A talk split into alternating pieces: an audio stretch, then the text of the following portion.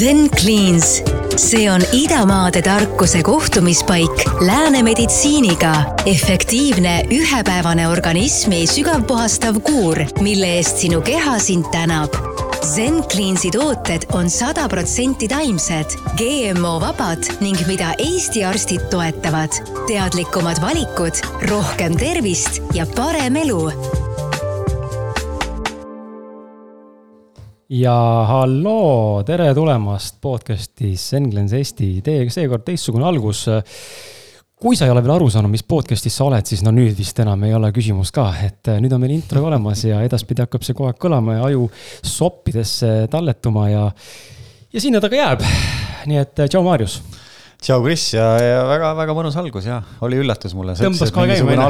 mingisugune üllatus sul, mul on täna ja, ja see tõepoolest oli üllatus. tuli positiivne emotsioon sisse. Maarjas naeratab, kohe rõõm on olla. kohe on hea tunne. tavaliselt ma olen hullult mossis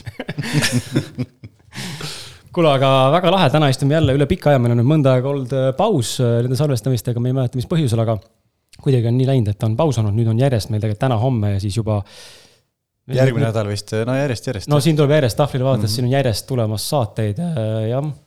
ja, ja, et tegelikult, kui sina seda saadet praegu kuulad, siis äh, me tegelikult salvestasime peaaegu et kaks kuud tagasi.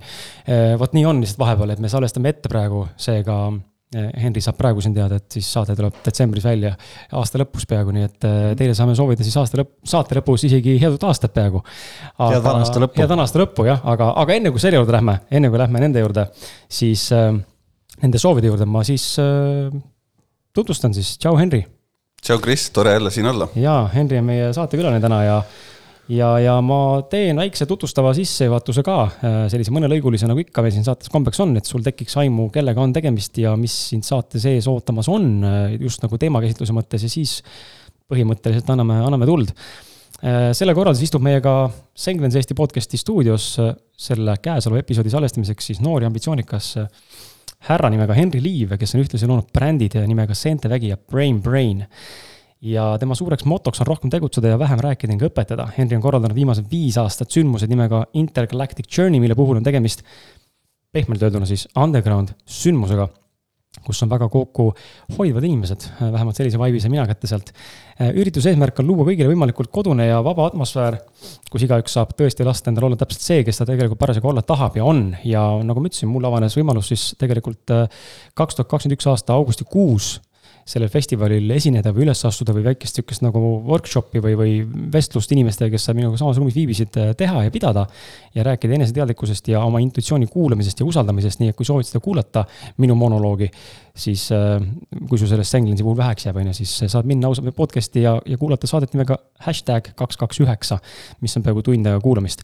aga tänases saates räägime siis äh, loomulikult tervisest, sest et Senglens selle eest ka seisab ja ja lisaks tervislikust toitumisest, erinevatest võimalikest dieetidest, mida Henry on omal käel ja kogemused läbi kogenud, läbi kombanud ja läbi tõmmanud. Äh, ja, ja samuti räägime siis seente olulisusest ja paljust muust, mis äh, spontaanselt meil esile tahab tulla siin kolmekesi vesteldes, nii et mm. -hmm ma ei tea, Henri, kuidas tundub, kas oleme valmis maalima inimestele selle seente maailma abc? Jah, no kõiki neid teemasid kuulates tundub, et vähemalt kakskümmend minutit võib minna selle podcast'iga vähemalt kaks, vähemalt jah. okei okay,, aga alustame, alustame sellest samast motost, et liigume kuidagi, ma jälle üritasin ehitada üles selle asja selliselt, et ta, no mulle tundub ta selles mõttes loogiline, võib-olla igale kuulajale ei ole ühtemoodi loogiline, kui tahate teha järgmine kord äh, soovitusi. head kuulajad, kuidas seda podcast'i edasi viia sellisel viisil, et ka sul oleks võib-olla mõnusam kuulata, siis need soovitused on kõik teretulnud, kirjuta meile või helista meile. aga räägime korraks motost, võtame siit korra kinni just nagu ütleme siis psühholoogilisest aspektist, et rohkem tegutseda, vähem rääkida ning õpetada.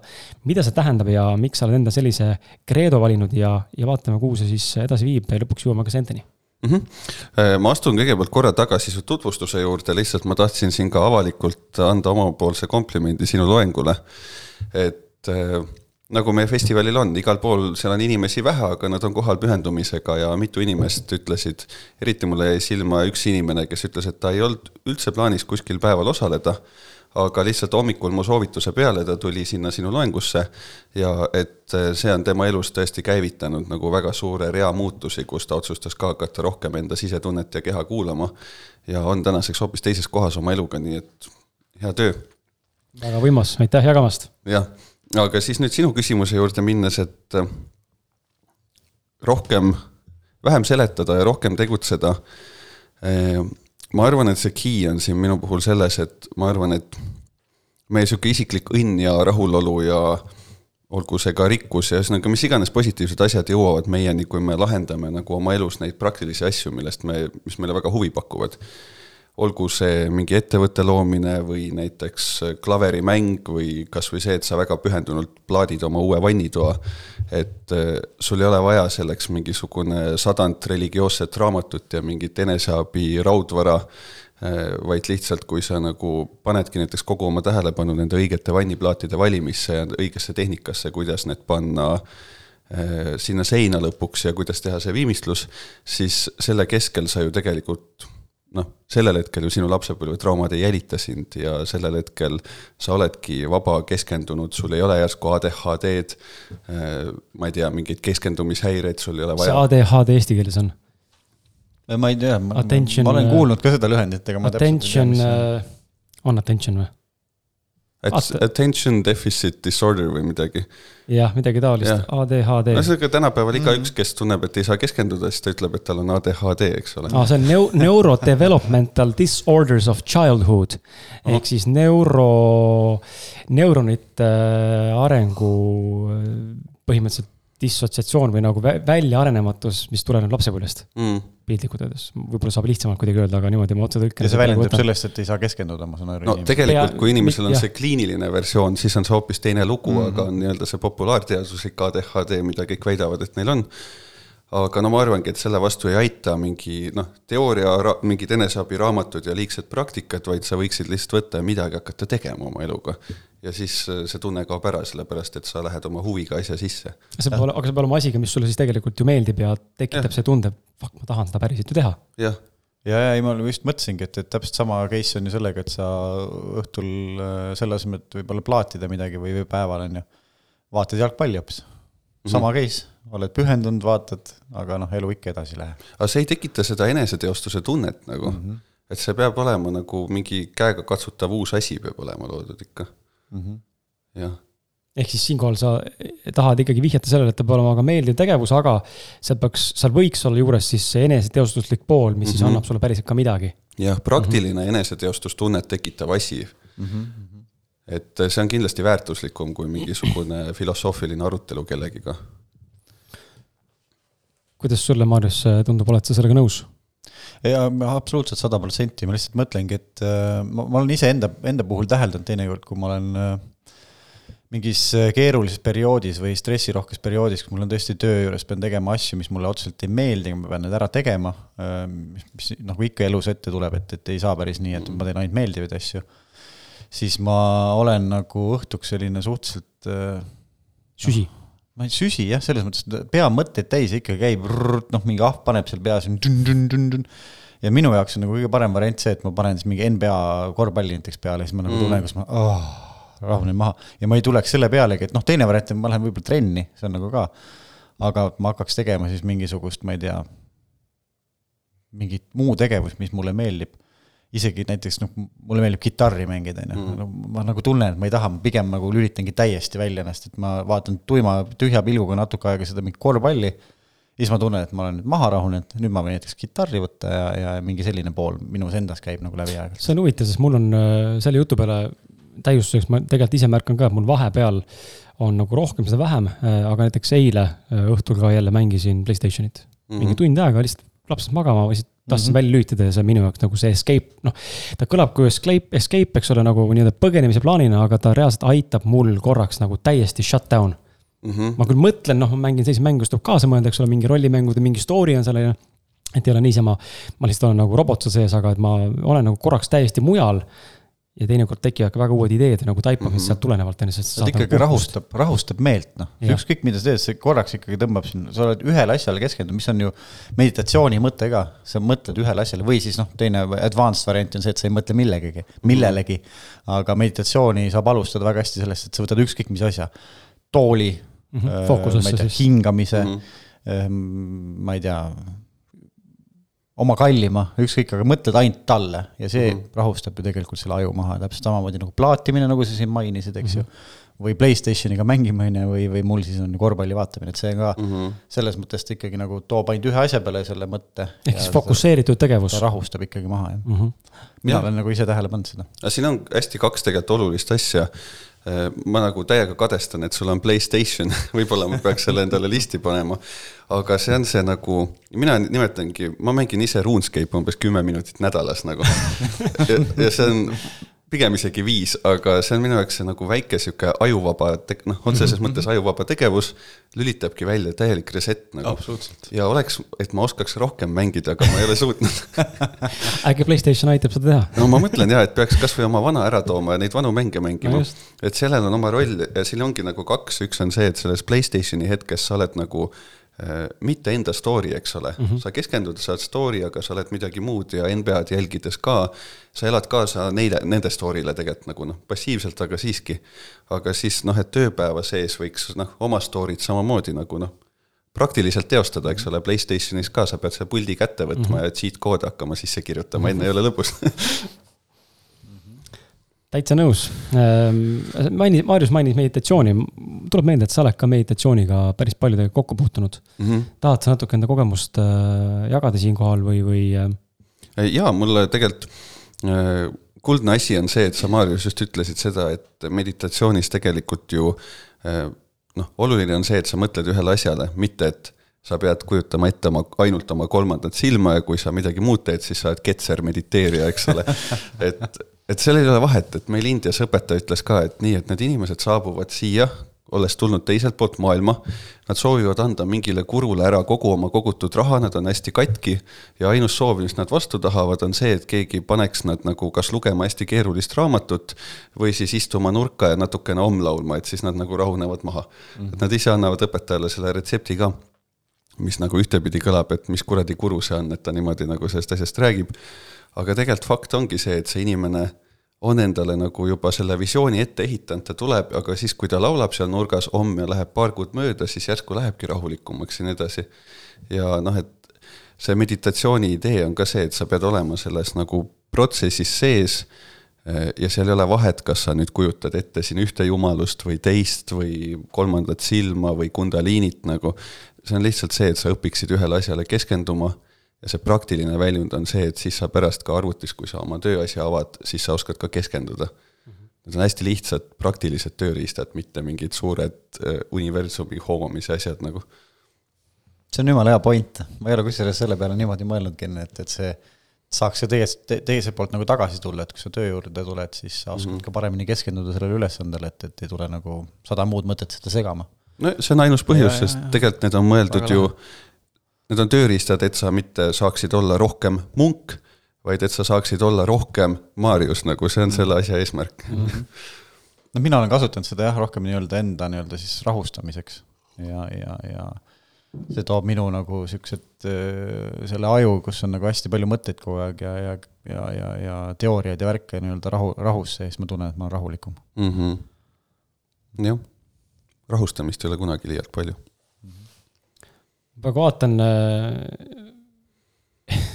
vaatan seda Maarjuse küsimust, mis on kirja pandud siia, et äh, kui me räägime nagu muutustest, kas tahad selle siia vahele suhtata või? ma, ja, ja ma küsiks tegelikult selle sinu küsimuse siit kõigepealt ah,. Okay. et, et me oleme siin filosofeerinud natukene aega, on ju, et, et aga ja sa oled öelnud ka seda, et jah, et, et sa, sulle meeldib tegutseda, selle asemel, et siis lobiseda kas sa oled ise selle peale tulnud või kuidas see sinu teekond on olnud, et sa, sul on olnud mõni õpetaja või, või nii-öelda selline autoriteet, kes on sulle hästi korda läinud ja oled ta, sa tema õpetusi järginud või, või äh, kuidas see sinu teekond sinnamaani jõudnud on? Äh, sa oled muidugi küll mm. suhteliselt noor mees veel täna, aga e mul on olnud hästi palju seda kõike, et alguses muidugi hästi valus lapsepõlv, sõpru pole, kodus kõik pekkis, noh, tiis-, tiinekana muidugi vihkavad kõik oma vanemaid, eks ole.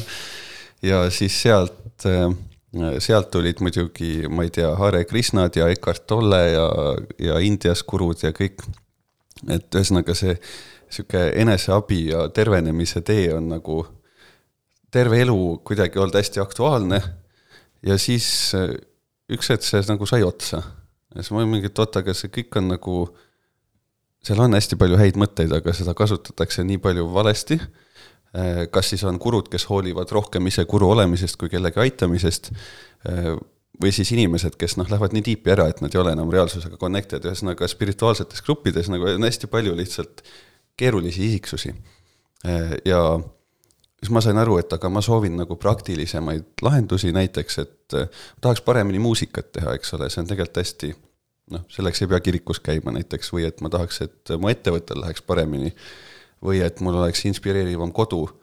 ja siis ma leidsin hoopis, et ettevõtjad on need inimesed, kes oskavad lahendada eh, nagu lihtsalt võtta paberil ilma mingi elufilosoofiata oma probleem lahti kirjutada ja sinna nagu noh, step by step lahendus panna.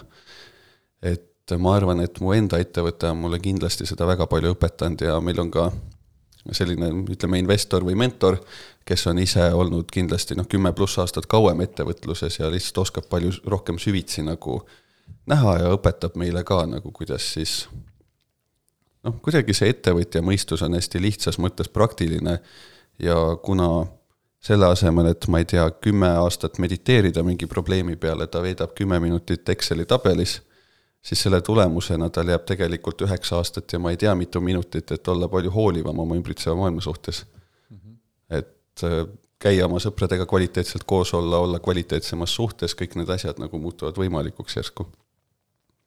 et ma arvan, ettevõte on täna mu suurim õpetaja, et ma lihtsalt, seal tuleb iga päev mingeid probleeme ja ma soovin õppida mingeid uusi asju ja siis mida kiiremini sa justkui neid uusi leveleid, leveleid unlock'id, seda rohkem noh, seda paremaks ja ägedamaks su reaalsus nagu su ümber läheb. -hmm. jah okei okay,, aga, aga ütleme, et sinu jaoks on siis praegusel aja, praegusel hetkel aktiivne just see ettevõt-, läbi ettevõtluse õppimine ja nii-öelda selline mm -hmm. elu kor, äh, korras hoidmine ja, ja probleemide lahendamine. aga kuidas või, või mis soovituse sa nagu annaksid inimesele, kellel ongi nagu, ta tunneb ennast halvasti, noh, see on esimene märk, et ma, ma ei tunne ennast õnnelikuna ilmselt, eks mm -hmm.. noh, näiteks, et ma inimene on õnnetu, elab õnnetut elu. Nüüd siin inforuumis on meeletult asju, on ju, kust kohast alustada, meditatsioon, treening mm., mingid suhtlemisõpetused, toidulisandid, mille juurde me tuleme siin mm -hmm. saate juures hiljem, on ju, noh, puhastused, kust inimene võiks alustada või, või kas siin on, üldse on sellist nii-öelda rusikareeglit või, või, või kuidas sina nagu näed või mis, mis soovitus mm -hmm. sul oleks inimesele kes tunneb, et ta on õnnetu, kust ma nüüd alustan? see on kusjuures aina kasvav teema meil ettevõttes ka, sellepärast et meil tuleb päris palju selliseid kirju, et tere, millist toodet soovitate, kui mul on tunne, et ma ei jaksa elada. no see ongi kogu kirja sisu mm. -hmm. ja noh, muidugi ühelt poolt võiks naerda, eks ole, aga teisest poolest, et need inimesed, esiteks ükski toode ei ole neile lahendus. Ehm, nad on lihtsalt, nad peavad kõigepealt üldse sellest nagu suurest otsingu mentaali-, noh, see idee on see, et kunagi keegi neile andis sisendi, et kui sa tellid, ma ei tea, ühe paki midagi, et siis see tunne läheb ära. Siis nad tellisid ühe, see ei toiminud, proovivad midagi järgmist, see tunne ikka ei lähe ära, aga noh, nad ikka usaldavad, et mingi toode kunagi on see lahendus. et ma arvan, et kõigepealt tuleb ikka vaadata oma igapäevaseid harjumusi, toitumist ja und, et kas su elus on näiteks kui sul absoluutselt puudub rutiin, siis sa pead näiteks väga osav olema, et ennast õnnelikuna tunda. on inimesi, kes seda suudavad aga, aga noh, see skill peab väga kõrge olema, sa pead väga tahtma ebarutiinset elu nautida nagu. ja ma ei tea, vahetada kas või graafikuga töö näiteks üheksast viieni töö vastu võib olla mõne puhul juba nagu suur samm edasi. mõni võib alustada mõnda uut hobi, mis tal ammu on olnud mõttes. et kindlasti see ei ole see koht, kus sa tunned ennast õnnetuna, et sa peaks midagi ostma. vaid, vaid pigem vaatama jah, et kas su nagu kas sul on köögis -hmm. toidud, millega sa tahad kokata, kas sa lähed magama enne, kui sa oled surmväsinud õhtul, äkki sa saad kodus enda jaoks kuidagi keskkonna mõnusamaks teha ja siis vaadata edasi, mis ideed tulevad. et see idee ei tule kindlasti Facebooki reklaamist äh, sinuni, vaid see peaks tulema seestpoolt väljapoole, kus sa lõpuks istud diivanil, oled mingi oh, mul on päris mõnus korras kodu, tunnen ennast paremini, äkki peaks minema näiteks improteatrisse. Aga kas sa arvad, et inimene, kes on nagu sihukeses äh, puntras juba omadega, kes nagu tegelikult noh, mitte ei ole enam ainult stressis, vaid võib-olla võib nimetada depressiooniks juba seda, et mm. et kas ta on ise võimeline üldse mõtlema nende asjade peale või äkki tal on ikkagi mingit väljaspoolt abi ka vaja? jaa, vot seda ma nõustun, et olles ise selles nii sees, on hästi raske öelda, et noh, hakka nüüd täiesti uut rada käima. et kuna meile neid küsimusi nii palju tuleb, siis mul on plaanis ütleme, hakata tegema ka videokursuseid lihtsalt, mis aitaks, no ma näen, et hästi paljudel inimestel ongi just see koht, et noh, neil ei ole varem antud sellist hästi praktilist lahendust, aga isegi kui neile nüüd anda, siis nad on nii kaua olnud juba selle sees, et kui neil kedagi kõrval ei ole, siis nad ei hakkaks lihtsalt noh, mingi ühe A4 teksti peale seda rada käima. et aga noh, selles mõttes see, kuidas me muutume järjest õnnetumaks või õnnelikumaks, ongi hästi step by step protsess ja see ongi üliokei okay,, kui sa ma ei tea, esimeseks harjumuseks ainult paned, et ma hakkan hommikul, või ühe korra päevas näiteks teen hea söögi endale, muidu on täiesti suva. vähemalt see üks kord on nagu paigas, siis sul, ma ei tea, nädala või kuu pärast on nagu natukene parem, siis sul tekib energiat, et võib-olla hakata jooksmas käima, et see on hästi delikaatne protsess ja nagu hea on aru saada, et et see otsus ol-, minna nagu õnnetust inimesest õnnelikuks inimeseks võtabki aega ja see on väga chill, kui sul ei äh, ole nagu mingit üleöö instant lahendust, et see on nagu ikka aastatepikkune protsess endas nagu õnne juurutada. ja ma olen väga, väga, väga nõus sellega, et, et jah, et meil aju ju tahab tegelikult kohe mm.. meil tekib idee, me hakkame nüüd homme, oleme säravad inimesed, et me tahaks nagu kohe saada ja kui me seda päeva või kahe jooksul ei saa, siis me tunneme mõnes mõttes läbikukkununa. veel halvemini, jah. ja, just, just, aga siin on, ma arvan, et väga hea point sul, et, et seda meelde tuletada, et see ei käi äh, üleöö, et mm., et see käibki step by step ja, ja tuleb lihtsalt nii-öelda müüa endale see mõte maha, et, et mul võtabki paar aastat aega, enne kui ma olen päriselt õnnelik näiteks, võib-olla kauemgi. mis võib, mis võib olla väga demotiveeriv alguses, aga kui me just. saame, noh, ehm, see, selle, see ongi nagu huvitav teema, et sellest arusaamine päriselt, asjad võivad võtta aega, me ei ütle, et nii peab olema, aga ta võib võtta aega rohkem, kui sa tegelikult arvad, on ju, mul paar päeva tagasi kirjutas üks inimene ehm, ka nagu hästi pikalt kirjutas, ütles konkreetselt välja, et noh, et tal on nagu nõiaring ta naisterahvas siis, eks ole, et ta on nõiaringis. Äh, ta teeb üli ebakvaliteetseid toiduvalikuid mm -hmm.. päevast päeva rämps, kiirtoit, asjad, mis iganes, kõik on nagu sihuke töödeldud, on ju. Äh, ja, ja samal ajal saab aru, et tegelikult keha reageerib ja keha ütleb, et ta ei, on, on halb, aga ikkagi sööb. sest käsi ei tõuse tervisliku toidu järgi enam mm. -hmm. ta ei suuda, ta ta isegi ei suuda nagu salatit hakkida, sest et lihtsam panna pelmeenid umbes ahju, on ju. siis ma mõtlesin ka nagu, et uskumatu tegelikult, et noh, saan ka aru, noh, see ongi raske olukord mm. -hmm. et see, see, see, see esimese sammu tegemine enda ka mingite valdkondades ongi väga raske, sa saad nagu aru, et ma peaks tegema, aga vot näed, see impulss seda esimest sammu nüüd teha. no seda ei tule, no ei suuda kätte võtta mm. -hmm. ja muudkui ainult valetad endale kogu aeg, ainult lubad ja tegelikult ei tee mm. -hmm. jube vastik tunne ja, ja ma ise just, vot ma kirjutasin ka sulle, et ma kolisin ja see võttis mind täitsa läbi. ja mis ma märkasin, et mul nagu ühest väga ilusast kodust oli korraga saanud kaks täiesti sassis kodu, kus ühest oli koli, pool kolitud, teisse oli pooled asjad jõudnud. ühes kohas pidi mingeid asju remontima, teises sa ei ole veel elanud. ja ainult nädala jooksul nagu kohas, kus mul puudus nagu see oma kodu esteetika ja rituaal, ma olin sellest nii läbi, et ma mõtlesin, et kui ma veel kaks nädalat nii elaks, siis ma läheks, küsiks antidepressante endale nagu.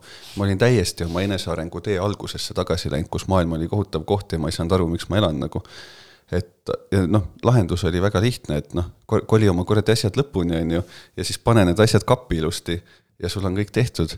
et tegelikult no ma ise tundsin, kuidas ma läksin mingi kümme aastat ajas tagasi sellega, et ma nädal mhm. aega elasin nagu sihukeses kaootilises keskkonnas.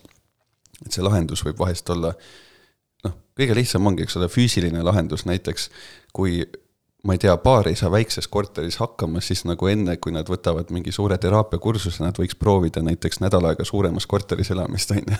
et seal on nagu üks lisasein ja võib-olla sellest piisab mm. -hmm.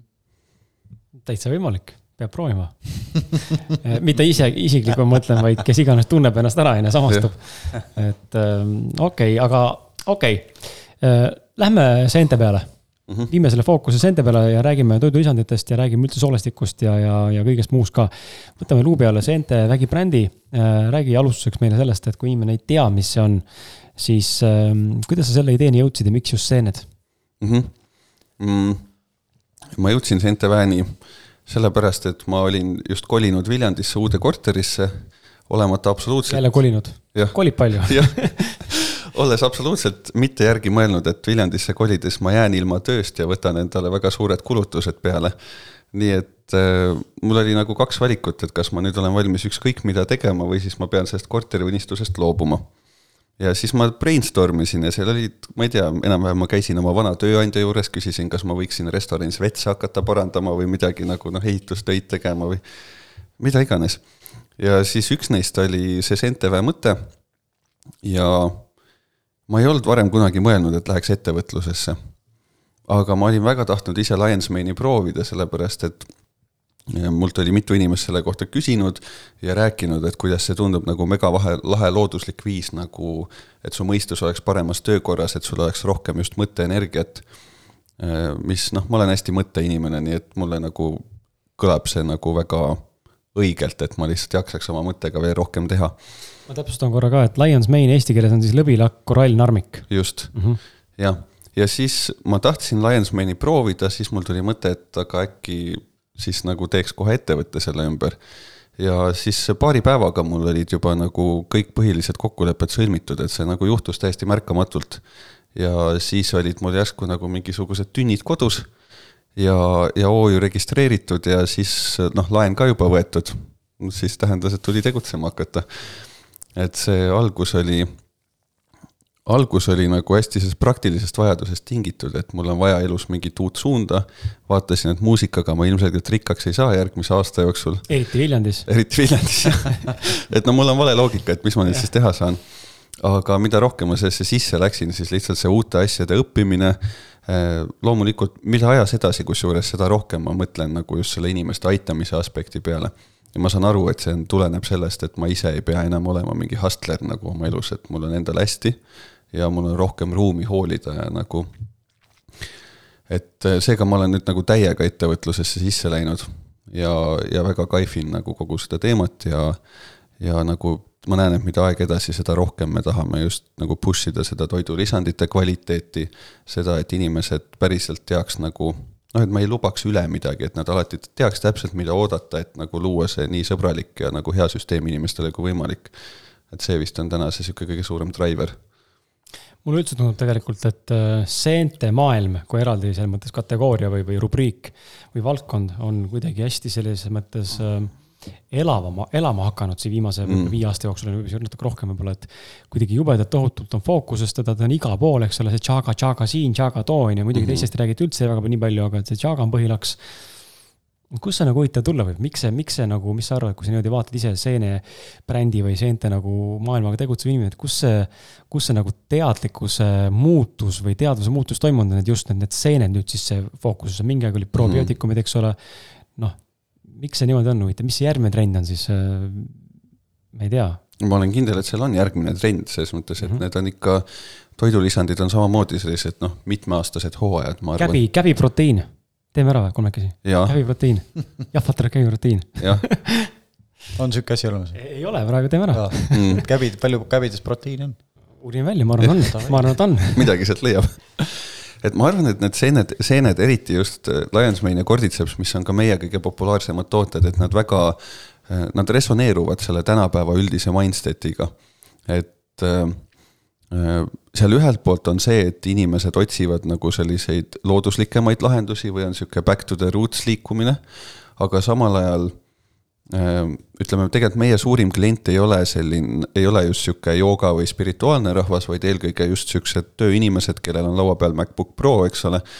et, et samal ajal ka selline asi, mis aitab sul elus rohkem saavutada, aga mis ei ole mingi tugev tulevikulaen nagu et ma ei tea, kümme tassi kohvi päevas näiteks vist on pigem tulevikulaen, aga kui sa saad hommikul võtta paar kapslit, sul on lihtsalt stabiilselt ütleme kaks protsenti parem olla, siis sa noh, korrutad selle, et aasta peale kogu aeg sa saad iga päev kaks protsenti rohkem tehtud, siis see on nagu suure määraga ja see ei backlash'i sulle kuidagi. et äh, Lions Main just sellise füüsil- või äh, mõtteenergia ja siukse mõttefookuse koha pealt ja Cordyceps just selle füüsilise energia koha pealt, et sa jaksad iga päev rohkem. Äh, ma arvan, et see mõttelaad üldse on maailmas hetkel nagu sihuke megatrend et tahaks, et päev oleks natuke pikem kui kakskümmend neli tundi, et saaks nagu veel midagi tehtud. kurat, aga mulle tundub see, et see on nagu niisugune teed-end, noh, järjest rohkem, rohkem, rohkem, eks ju mm. -hmm. ja teine pool, mis mulle noh, minu, minu jaoks nagu tekib alati niisugune skepsis. ma olen niisugune mõõtja mees, noh, mulle meeldib mõõta mm. -hmm.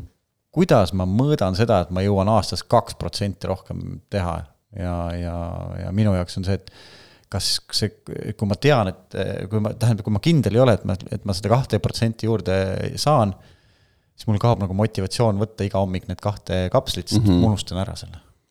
oskad Jaa. sa mingeid häid nippe siin anda? ei no, või mul on väga tore, et sa noh, üldse viskad selle kohta sihukese kriitikanoole, sellepärast et ma ise samamoodi äh, suhtun üldse toidulisanditesse väga kriitiliselt, mida rohkem ma loen selle kohta, ma ei julge küll kuskilt enam midagi tellida. Et ähm, aga no nii. Oh, tegime, tegime nalja just, on ju, meil on siin laual mingi koli, koli, koli, mingisugused ashwagandha ja mingisugused asjad, mis meil on siin võetud proovimiseks, mingid äh, kummikommid, mis on veetavalt äh, täis mingit noh, noh, väidetavalt normaalne stuff on ju sees aitab ka mingi fookuse, on ju, keskendumine, toob rahu, on ju. erinevad tooted on mingisugune on seal eraldi selle, mis on see, äädika vein. Apple cider vinegariga, on ju, noh, et tehakse nagu mingi rõveda asja tarbimine nagu lihtsamaks, on ju, mhm. aga, aga kus ma nagu aru saan, et ma olen purgi nahka pistnud, et kuidas, ma ei tunne, et ma oleks nüüd kolme käega, ma ei tea, viie käega või nagu ma ei tunne mingit vahet. aga tead, ma ütlen, noh, see on loomulikult tore on oma ettevõtte kohta enda edulugu rääkida, on ju. aga selleks sa oledki siin. aga, aga kui sa nagu kui sa lihtsalt võtad need kaks kapslit ja siis ootad, et ma nüüd tahaks täpselt panna tähele neid kahte protsenti nagu, siis ära hakka meilt üldse tellima, et see ei ole see süsteem nagu. Äh, sa tellidki ühe paki, rohkem sa ei telli, noh. ma ei tea, sellest ei ole kellelegi suurt kasu, võib-olla see on ilus pakk vähemalt, et ta seisab sul seal kapis. aga, aga kui sa nagu valid võtta mingisugused noh, üldse oma elus mingisuguse arengut soosiva struktuuri näiteks, et et eh, ma ei tea, väga oluline on ka rohkem puhata, eks ole, ja rohkem just maanduda, mitte alati rohkem selles basis olla. et eh, sa valid, ma ei tea, rohkem puhata, näiteks töötad vähem tunde, aga kvaliteetsemalt ja siis sinna juurde paned näiteks eh, ma ei tea, et hakkad natukene rohkem kvaliteetseid rasvu kokkamises kokkama ja siis ostad selle Lions Mane'i. siis me räägime nagu mingist paketist, mis aasta pärast viib sind nagu hoopis uuele tasemele. Et see võiks alati olla osa paketist. ja ma ise Eh, sel ajal, kui ma alustasin Seente väge, siis no esiteks mu toidulisandi kapp oli no ikka, seal oli ridamisi kõiki nutroopilisi toidulisandeid, mis aitavad sul ma ei tea, rohkem energiat ajule sajal viisil paremat, ma sõin neid niimoodi, et käsi värises pool päeva. To-do list oli mul mingi nelikümmend asja iga päev ja millest noh, ainult kõige ebaolulisemaid said tehtud. Sellepärast, et ma alustasin päeva Facebooki sõnumite ja meilidega, siis ma olin juba väsinud ja siis ma tegin, ma ei tea võib-olla ühe sõna vahetasin kodulehel ära, aga ühtegi olulist asja ma nagu ei teinud. ma unustasin pidevalt asju, noh, see to-do list pidigi olema nii kohutav, sest mu mõistus ei töötanud. ja väga ärev oli olla, ma arvasin, et võib-olla midagi on katki minu sees või mm -hmm. no et tänaseks on nagu täpselt vastupidi, ma ei vaja ühtegi päevikut to-do listi, mul on nagu üks asi on kirjas päeval, mis ma tegema pean, sest ma tean, et ülejäänud püsib meeles. Tean, et ma jõuan kõik tehtud ja mu mälu on täiesti veatu nagu, et ma ei pea mitte kunagi kahtlema, kas mul tuleb õigel hetkel mingi noh, kasvõi telefoninumbrid on mul hakanud pähe jääma, aga siin me räägime tegelikult mingi noh, kolmeaastasest Lionsmani tarbimisest, kus samal ajal ma olen teinud nagu kõik selle nimel ka, et sinna punkti jõuda.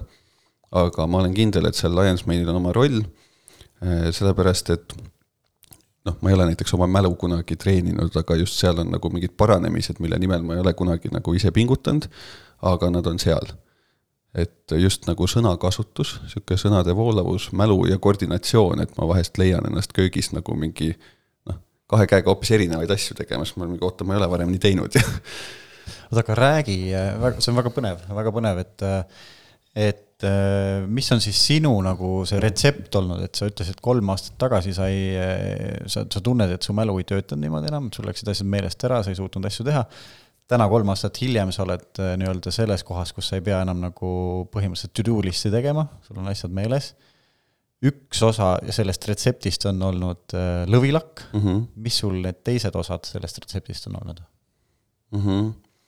ma arvan, et kõiki neid aastaid järjest nagu mõelda, et kõike, mida ma olen katsetanud, on vast mm -hmm. äh, raske tagasi trace ida, aga no,. mis sul meelde tuleb nagu? jah kindlasti äh, hetkel eriti veel see, et nüüd ma käin uuesti väga pühendunud trennis, äh, siis ma otsustasin üks hetk uuesti toitumisele pühenduda, et mul oli üks hästi pikalt kestev suhe, mis oli iga päev halvem kui eelmine.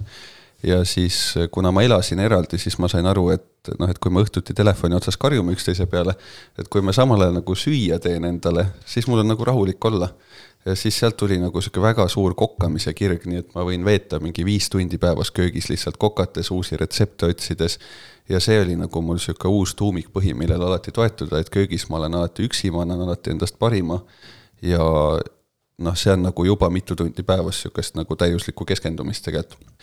Ja, ja siis kindlasti see ettevõtte edasine areng et see eneseteostuse tunne just, et iga päev sa saad aru, et sa oled võimeline midagi täiesti uut õppima, äh, selles väga heaks saama ja siis kuu aja pärast juba hoopis mingi teise ploki liitma selle ettevõttega.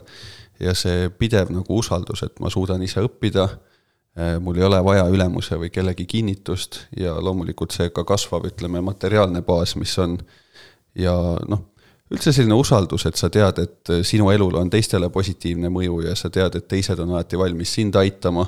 et see ettevõte on nagu sotsiaalselt hästi rikkaks teinud nagu selle kogemuse.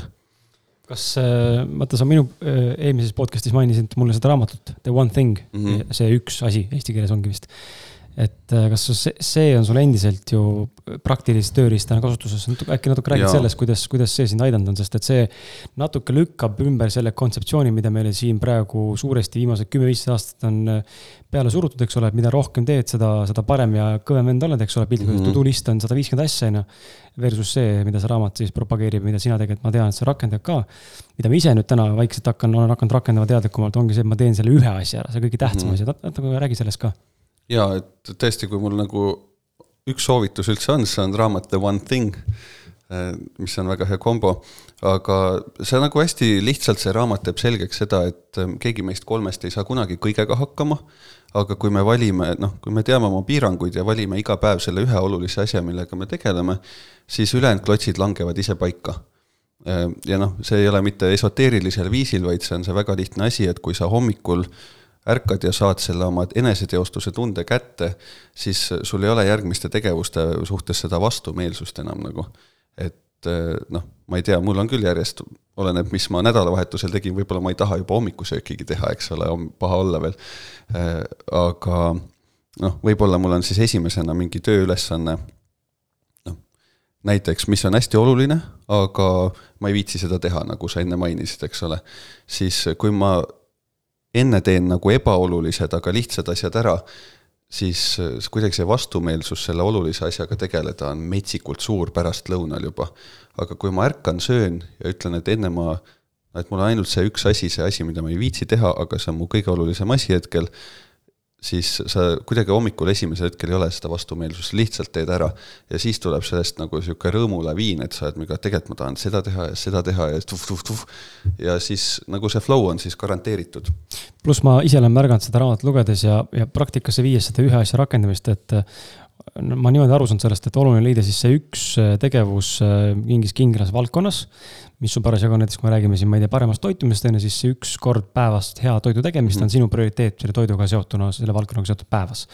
ja teinekord ma olen näinud ka seda, et kui ma selle ära teen, siis ka teised valdkonnad Äh, kui ma valin selle õige tegevuse nii-öelda, ka teised valdkonnad äh, saavad edasi liikuda või samal ajal saab mingi asi tehtud teises valdkonnas, kui ma teen midagi selle ühe, selle ühe konkreetse asja ära, mille taga tegelikult võib-olla mingi muu asi istub veel kinni. ehk siis see on hästi huvitav, et teinekord saadki võtta nagu kaks-kolm kärbest äh, to do list'i nii-öelda nagu korraga tegelikult piltlikult öeldes likvideerida mm -hmm.. noh, ma ei oska praegu tuua näidet, aga ma olen praegu, tuleb meelde, et ma olen nagu selliseid asju siin suvel kogenud päris palju mm. -hmm ja see on seda raamat on päris jõuliselt seda õpetanud, ta on hästi-hästi praktiline raamat, nii et siinkohal mina ka siis kõrvalt äh, tänu Henrile hakkasin lugema seda ja soovitan meie kuulajatele ka, et see üks asi, autori nime.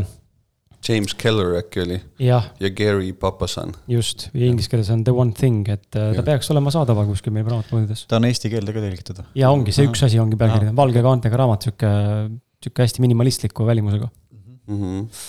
jah, see ähm, oluline ongi just see, et, et see tegelikult vot see siin, enne ma sulle tõin näite sellest, kuidas noh, et sul on see ebameeldiv asi võib-olla, mida sa oled edasi lükanud, eks ole. aga tegelikult noh, ideaalis see võiks olla iga päev mingisugune tegevus, millel on kõige suurem tulevikuperspektiiv. ja ma näiteks noh, oma meili, meiliturunduses, kus me küll ei müü ega ei turunda otseselt mitte ühtegi asja, aga noh, ütleme selles meiliprotsessis, mis ma oma klientidele jagan äh,, ma toon ka ühe näite, et nii, et mul on nagu võimalus oma päeva siis alustada, ütleme, hustle'iga, mõeldes, et davai, mul on nüüd eesmärk müüa paar CNTV pakki. teen näiteks ühe kuldse Facebooki postitusi, kus ma räägin, et, et seened on mega head. müün oma kaks pakki, tunnen, et suur võit, on ju. see võtab umbes, ma arvan, mingi noh, koos kontseptsiooni loomise ja enese kogumise pildi ja kõigega võib-olla kaks tundi, on ju. samal ajal, kui ma panen kaks tundi nagu sellise enesearenguga seotud meiliseeria arendamisse, mis meil ka on, me õpetame inimestele, kui sa ostad paki, siis sa saad kaasa hunniku meile, mis nagu täpselt nii, nagu me siin räägime, step by step aitavad sul jõuda selle ühe asjani ja sellega iga päev natuke tegeleda. kui ma nüüd panustan kaks tundi sellesse, siis see eneseteostuse hulk minu jaoks on palju suurem, sest ma tean, et ma loon kestvat väärtust, mitte ei tee ühte Facebooki postitust. Ja see saab puudutada lugematul hulgal inimesi Eh, kes aastate jooksul selle meilini jõuavad, versus et see üks postitus saab oma kaks laiki ja müüb ühe paki, eks ole. et see võiks olla mingisuguse eh, kasvava või loodetavasti isegi nagu piiramatu perspektiiviga tegevus, kus inimesed saavad pärast sellest ka kasu võtta aga ma saan aru, et sul siis seda nii-öelda meili selles mõttes, või tähendab seda kestva väärtusega nii-öelda, kuidas sa seda kutsusidki nagu mingit õpetust siis mm -hmm. inimeste jaoks on nagu keerulisem teha kui seda postitust, aga kuna sa näed seal perspektiivi, siis sa võtad ikkagi selle. et sul nagu mm -hmm. tegelikult on nagu raskem seda nii-öelda siis sellega alustada ja seda teha või? no seda ikka vist jah, ma ei, ma ei oska öelda, vot ma olen nüüdseks nii palju sisendanud endale seda juba mm, -hmm. aga ma usun küll jah, sellepärast et noh, Facebooki postitust me kõik kolm oleme teinud, eks ole, iga inimene on teinud, et see on nagu hästi tuttav protsess. Aga noh, kirjutada mingit meili, mis läheb nagu aastate jooksul kümnetele tuhandetele inimestele, on ju, see nagu see on nagu midagi uut, eks ole, me ei ole, ilmselt varem ei ole loonud sellist Plus, süsteemi. ka see tegelikult äh, käitub ka müügi äh, pitch'ina või müügipostitusena piltlikult öeldes emaili teel, millest võib inimene vabalt jagada seda kuskile, mis võib ka tuua müügi sulle mm, -hmm. ilma Facebooki postituseta. et äh, noh, see on sihuke huvitav lähenemine. ja no müük ei ole lõpuks oluline, oluline mm -hmm. on nagu see, noh, tegelikult ma just täna enne siia tulekut nagu ja ka eelmine kord, kui meil oli Krisiga podcast, ma just sattusin oma mingi aasta pikemaid eesmärke üle vaatama ja kirja panema. et ma avastasin endale üllatuseks, alati mul on varem olnud nagu ka konkreetsed rahalised eesmärgid. et tänaseks mul ei olnud kirjas mitte ühtegi rahalist asja nagu, et CNTV puhul mul oli kirjas, et ma soovin õppida oma tiimi väga hästi juhtima ja ma tunnen, et need inimesed, kes, kellega CNTV-gi kokku puutub, et mul, meil tõesti oleks neile nagu palju anda. ja teine asi, Brain Braini puhul ma leidsin, et ma soovin nagu olla connected sellise maailmatasemel festivalikultuuriga, kus on tõesti ka kunstiline väärtus, mitte lihtsalt, et näpud püsti ja paila-paila. et, et noh, sa tegelikult see meiliseeria ka, et loodetavasti me saame sellega nagu inimlikke connection eid ja sõpru enda ellu ja võib-olla midagi kasulikku, eks ole, selles mõttes tuleme, tuleme siia nüüd äh, tagasi nende seente juurde, hüppasime korraks ettevõtlusesse, äh, mis on ka okei okay,, aga tuleme korraks seente juurde tagasi, et äh, sinu tooted sisaldavad erinevaid seeni, näiteks on siis mainitud Lions Mane ehk lõvilakk, korallnarmik, Cordyceps, Chaga ehk must pässik ja Red Reishi, mis ta eesti keeles on, ma ei, ma ei teagi, mis see. punane laikvaabik. laikvaabik. laikvaabik, laikvaabik, ma panen kirja selle, see on kuradi huvitavad nimed on ikka seentele onju. et punane läik vaabik mm. -hmm. küsin sinu käest niimoodi, et miks just need seened on välja valitud, et kas Eestis ei ole teisi, äh, kas need üldse on äh, sinu Eesti, Eesti toodang või mm -hmm. kuskilt ikkagi impordid, eks ole, või siis miks just need seened ja mis seeni leidub veel Eestis? ja tegelikult võib-olla on see mm -hmm. mõjunud äkki selle peale, et oo oh,, neid võiks ka tegelikult katsetada, aga näed, ei saanud selle põhjusel näiteks mm. -hmm. Mm. no meie tellime oma seeni Hiinast ja ma valisin need neli seent ütleme sel lihtsal põhjusel, et ühtepidi need olid, nad olid tol hetkel ka, ma leidsin, et nad on kõige müüdumad seened, aga samal ajal ma nagu nüüd, olles aastaid ka kogenud nende seentega töötamist, siis ma näen, et et äh, nad on kõige müüdumad, sellepärast et äh, noh, nad on ka kõige toimivamad ja nad on kõige paremas resonantsis nagu sellega, mida inimesed täna vajavad. ja me uurisime küll eestimaiseid võimalusi, Euroopat, USA, me noh, tegime kogu research'i ja noh, siin on nagu palju müügiargumente, mõni tahab, et eks ole, oleks ainult Eestis tehtud ja orgaaniline. aga see ei anna mingit kirjeldust selle kohta, palju seal on neid toimeaineid, millega seoses need teaduslikud uuringud tehtud on. seal võib olla täiesti null neid, kui ekstraktimine tehnoloogia on näiteks vale. ja siis usakatel on kombeks võtta need seeneekstraktid, kus ütleme, maapealne osa või noh, see kotiväline osa päris kasvatuses on nagu see seen, aga siis äh, Paul Stamets tuli väit-, välja väitega, et äh, mütseeliumis on tegelikult kõige rohkem kasulikke aineid. Äh, mis on tõsi, aga nüüd see mütseelium omakorda on ju kasvatatud riisi või mõne muu teralise peal. Nad lasevad kogu selle massi jahuks ja siis müüvad seda. ehk siis see on üheksakümmend kaheksa protsenti riisijahu, mis sa tellid, kus sees on mütseelium, mis tõepoolest teoorias sisaldab kõige rohkem toimeaineid. ja kui keegi teist peaks kunagi tellima endale selle Paul Stammet, siis on kõige kuulsam seenefirma üldse. pulbri kujul Lions Mane'i ekstrakt või nagu kapsli avama, siis see maitseb täpselt nagu pruuni riisijahu noh, et selle pealt nagu ei saa minna. Äh, siis Euroopas neil on noh, ütleme samm parem, niisugune kultuur on teha selliseid ekstrakte, kus nad justkui purustavad need seened ära, siis teevad kogu selle ekstraktimisprotsessi ära, segavad, noh, võtavad selle vedeliku, eks ole, tulemus on vedelik, mis kuivab ära ja alles jääb pulber, ja siis nad võtavad kogu selle jääkaine ja panevad selle tagasi sinna ütlevad, et see on full spectrum extract, et mitte midagi ei ole välja jäetud. mis turunduslikult kõlab jälle maru hästi, aga noh, see tulemus on mõttetu toode. ja noh, Hiinast me leidsime nagu väikse tootja, mm, kellel tundub, et on nagu kuratlikult head ekstraktimise oskused. ekstraktimine on siis era eraldamine? see keemiline protsess mm -hmm. seal lõpus just jah. et nad küll noh, osaliselt kasutavad orgaanilist toodangut, aga see ei ole nende põhieesmärk.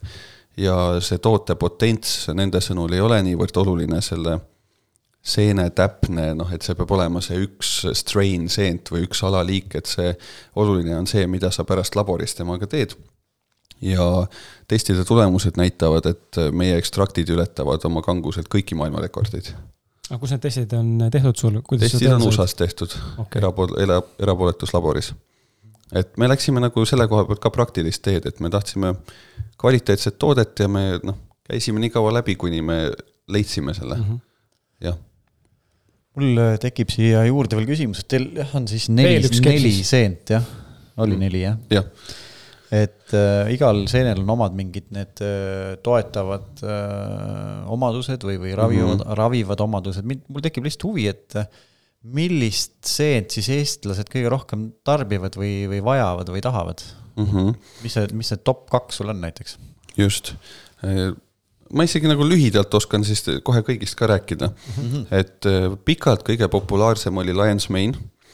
Äh, ja lõvilakse siis on, just toetab sinu ajutööd, keskendumist.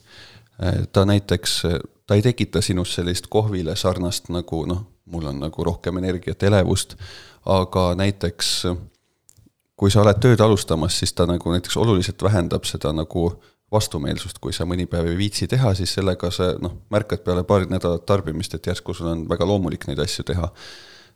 ja ta on äh, ajutööle hea ja teaduslikes uuringutes on leitud ka, et ta on kas ainuke või üks väga väheseid äh, mingeid komponente üldse maailmas või noh, seal on ained, mis suudavad siis taastada kahjustunud närvirakke.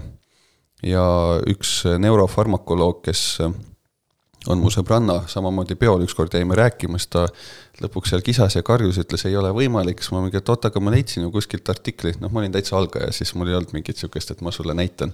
ma otsisin, oli, näe, vaata, et siin on ju kirjas ja siis ta mingi, aa okei okay,, nojah, see on maailma kõige mingi tunnustatum see uuringute publisher üldse ja nagu mingi megasuur uuring, et ongi niimoodi ja siis ta oli mingi okei okay,, vau. ja siis küsis mult ka kohe Lions Mane'i. et Lions Mane on nagu ajule ja närvisüsteemile. Aga nüüd on sellest hoopis ootamatult mööda hakanud minema korditseps, äh, mis ähm, on just nagu selline füüsiline energia ja ma ütleks, et sihuke nagu tuntav heaolu. et, äh, et Lions Mane rohkem teeb oma tööd seal taustal, aga korditseps annab nagu midagi kohvile sarnast. ja ma ise tunnen, et kui ma näiteks palju trenni ei tee, siis ta isegi teeb mind füüsiliselt liiga aktiivseks ja väga aitas kaasa ühe mehe tagasiside ükskord, kes kirjutas, et kuule, et mul on suur probleem. et et, et me naisega ei jõua enam mitu päeva õigeks ajaks tööle, siis ma mingi, et noh, et mis siis juhtus, et noh, kõht lahti või. siis ta mingi, et ei, et äh, lihtsalt selline keboralli ja ausalt öeldes sellega võiks hommikuti naelu seina lüüa küsisin, kas ma võin selle postitada. et tõesti, ta tõstab nagu füüsilist aktiivsust, seksuaalset sellist nagu aktiivsust või särtsu annab juurde ja jah, sihukest nagu motiveeritust just sellisel nagu kehalisel tasandil ma ütleks, et ta teeb sind aktiivsemaks mitte ainult voodis, vaid noh, igal pool, kaasa arvatud voodis siis. ja äh, mingid uuringud näitavad, et ta tõstab ka testosterooni taset, eriti meestel ja noh, see sihuke üldine well-being kogemus ja just see kehaline, et ma tahan elult rohkem, see nagu on kooskõlas sellega, et need uuringud on küll ainult loomadega tehtud. seega siin ei ole mingit garantiid, et see inimestel nii on. aga noh, mu kogemus ja mu teadmine nagu näiteks kõrgest ja madalast testosteroonist ütleb, et see noh, et see asi võib olla selle taga ka ja siis äh, ütleme, need kaks seent on meil siuksed superpower seened, eks ole, üks on, et sa tahad olla mõttehiiglane ja teine on, et sa tahad olla. seksijumal. seksijumal, just. et siis äh, Reisi ja Chaga on rohkem sellised terviseseened, mida me soovitaks inimesele, kellel on mingi konkreetne tervisehäda. Äh, mille puhul ta või noh, et ta soovib oma üldist, ütleme, Cordyceps ja Lions Mane on pigem nagu, et saada nullist ülespoole, eks ole.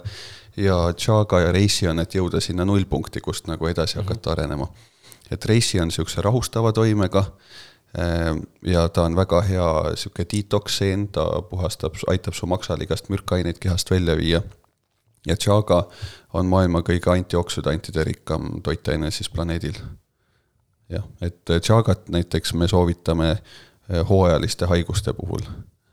Ja ütleme, jah, Chaga on see, et kui sul on nagu praegu konkreetne väike jama majas, siis võta see pakk ja see ilmselt aitab sul kiiremini sellest üle saada no mul tekib alati tunne, et eh, kui ma loen ükskõik mis toidulisandit või see, mis sa praegu räägid, eks ju, et pari, parem seksijumal ja paremad mõtted ja värgid, et ma kõike seda nagu tahaks, vaata mm. -hmm. aga kus, kuidas ma näiteks aru saan, et äkki mul seda füüsilist aktiivsust on piisavalt või siis äkki mu mõte töötabki juba nagu piisavalt hästi, et, et eh, aga, aga see mõnes mõttes see FOMO efekt, et kui ma nüüd seda seent ei võta, siis äkki ma ei mõtle nii hästi nagu see mees, kes nagu võtab või, või äkki ma saan nagu veel paremaks või, või ehm, kuidas nagu sellest nagu aru saada, kas mul tegelikult on seda vaja? või siis mitte just ka, ka üleüldiselt toidulisandite kohta, nagu sa ise mm -hmm. ütlesid, sul oli neid nelikümmend või ma ei tea, palju, eks ju. et kuidas sina neid nagu järeldusi tegid või sul tekkis midagi sarnast, et eh, ma ostan ka selle toidulisandi, selle toidulisandi, et oh, siis ma saan nagu veel paremaks ja, ja lõpuks olen surematu ja ja, ja ma ei tea, ei vanane üldse, sest hästi paljud lubavad ka, et oh, see mm -hmm. aegluste peale vananemist ja värk, et noh, kas noh, minus nagu tekkis see küsimus, et kas mul on seda vaja samas ju tahaks veel aeglasemalt, on ju, näiteks vananeda mm. -hmm. tahaks veel kiiremini mõelda, aga ma ei tea, kas ma tegelikult olen selleks võimeline, kuidas seda nagu hinnata mm,? see on hea küsimus, no kindlasti ei peaks noh, ütleme hommikul ei peaks olema kapsleid rohkem, kui sul hommikusööki reaalselt on, eks ole.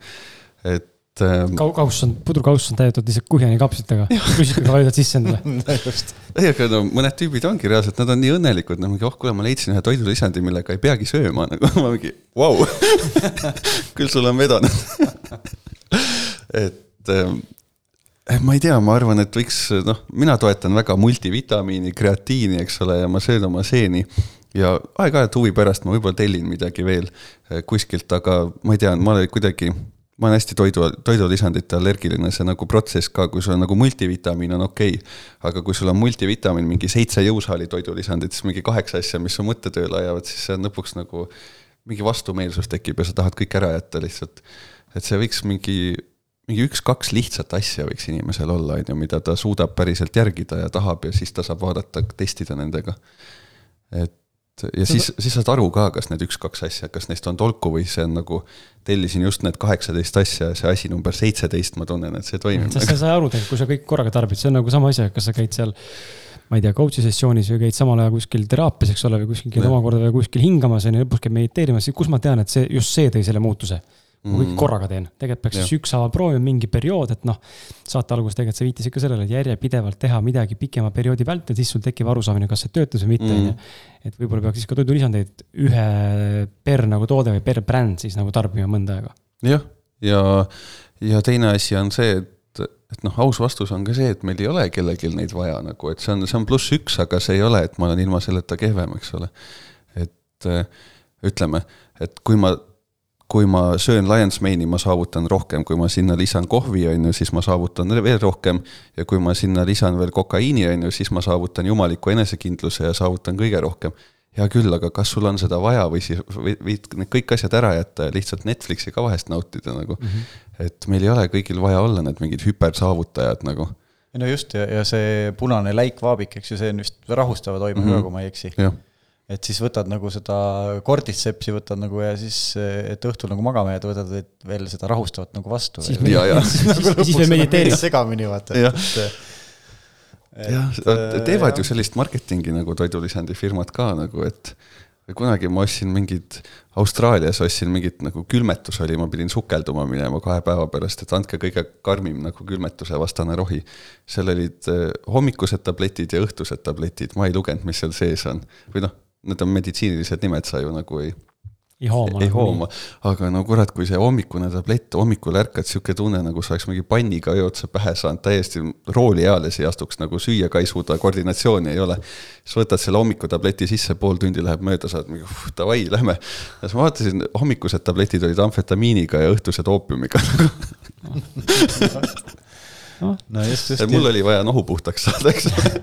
nii et pigem siis inimesed näiteks, kellel on nagu raske uinuda või nad ei saa nagu äh, rahuneda õhtul, pigem siis võtta seda reisit, jah, mitte nagu veel mõelda, et äkki ma saan nagu veel kuidagi kõvemaks meheks ja panen selle korditsepsi edasi. ja, ja, ja need, kellel nagu see uni tuleb ikka väga varakult ja, ja magavad võib-olla liiga kaua, et siis neile siis soovitada pigem ergutina. nagu seda korditsepsi. jah, ja võib-olla noh, et kui, kui sa võtad, eks ole, reisid ja siis õhtu otsa teed, ütleme noh, tead, et näiteks null null kolmkümmend pead magama jõudma, et kui sa siis nagu null null kahekümne üheksani teed megaintensiivset tööd, siis nagu ilmselt reisi ei ole ka see lahendus. just, just. aga kuidas sa neid tarbid, kas ainult kapsli kujul neelad alla, eks ole, või vaata mõned, see sõltub vist äh, nagu sellest äh, koostises ka, et mõnda asja võib panna keele alla, et imenduks paremini, aga mõnda asja ei tohi, onju, sest et ta Mm. ei ole mõeldud tegelikult niimoodi imenduma, onju. et mõni on mõeldud ikkagi minema kohe siis äh, soolestikku ja teine läbi keele või selliste nende, mis iganes, mitte andurite, vaid äh, mitte retseptoritega. kidade või? jah, mis iganes tegelikult et läbi. süljenäärmete jah. vist imendub. et äh, mis see, mis, kuidas sina tarbid seda või valad kohvi sisse või, või kuidas sa nagu, või paned pudru peale või mi- mis sa teed nendega? huvitav, sa kõik nii hästi tead. ei no ma lihtsalt küsin, sest et ma näen, mis inimesed teevad, eks ole, aga Mm. ma ise, ma ise ei ole näiteks sinu neid seeni kordagi kapslist välja võtnud mm.. mul on, mul on hirm ja selle Tead- maitse eest, sest et kui ma söön korditsepsi söön, eks ole, ma tunnen, seal on sihuke teistsugune spetsiifiline maitse. ja ma olen väga sihuke maitsefriik, nagu Jah. mul on kohe see, et mm, kiirelt veega alla vaata, sest mm Mhm. -hmm. ma tunnen, et see ei ole, see, ma ei naudi seda maitset, ta ei ole mm Mhm. -hmm. halb, aga ta on nii teistsugune. ja ma olen näinud seda teiste ettevõtete mingite toidulisanditega ka, et seal on, tuleb see spetsiifiline, see enda nagu see koostis ja maitse läbi see kapsli tuleb esile mm. Mhm, -hmm. ja siis mul ongi see hirm, et appi, aga kui ma nüüd võtan selle kapslist välja, siis ta on ju veel intensiivsem, mhm. et öö, ma ei tea, sest ma kunagi, kui ma makat proovisin, makapulbrit proovisin esimest korda elus. ma panin lusikaga maka suhu endale nagu supilusikaga, no niimoodi ei tehta, eks ole, aga panin suhu ja mul, ma mõtlesin, ma hakkan oksele, mul tuli see Ahah. refleks, hakkasin lihtsalt öökima. siis ma panin selle veega alla ja siis ma söön makat mingi mitu aastat. mina vist olen oma sõbra näo täis köhinud niimoodi nagu, panin lusika ja kohe tuli nagu. kuidas neid siis süüa, mis see, mis see kõige parem viis on? et, et need seened tegelikult õigesti kasutades maitsevad väga hästi. et kui sa näiteks eh, tahad nende lisada kohvile, soovitus on see, et nad tahavad üsna kuuma temperatuuri, et enne pane nagu seened tassi ja siis pane kohv peale, siis lahustub ilusti ära. siis smuutile, hommikupudrule, pannkookide peal mega hea nagu. et kui sul on vaja kuskile sellist mm, magusat karamellist maitset mis samas on nagu natuke sihuke, seal on sihuke kõrbenud ilutulestiku nüanss juures, ehk siis ta on nagu täiesti uudne. aga ta on ikkagi nagu see baas on selline karamellisus, marjasus ja magusus, kuhu tuleb hiljem sihuke teise maitsena hapukus nagu.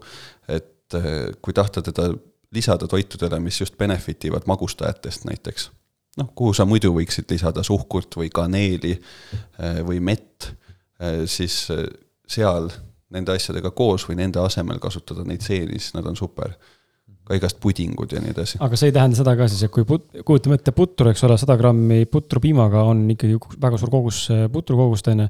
ja ma nüüd siis ei ole see, et ma katan selle pudrukihi kõik selle pulbriga, vaid ikkagi üks kapsel teen lahti ja valan peale või kaks äärmisel juhul, mitte et ma nüüd noh, kuhja, kuhjan seda pulbrit sinna. ma olen pannud ikka kuhjaga teelusika siis, kui ma tahan okay., aga noh, mul on kodus neid rohkem No ka, eks ole.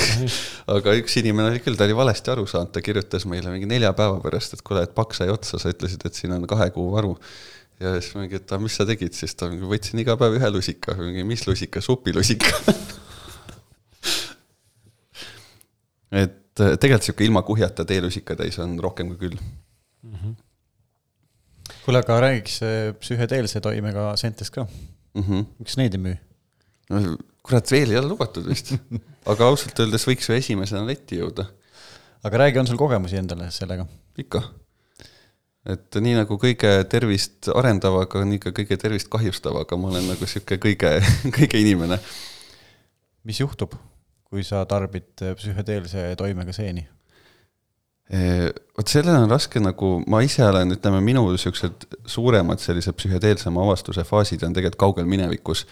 ja, ja tagantjärgi, eks ole, ma just noh, jälle täna hommikul teadsin, et see podcast tuleb, et see ilmselt see psühhedeelsete seente küsimus on ka õhus.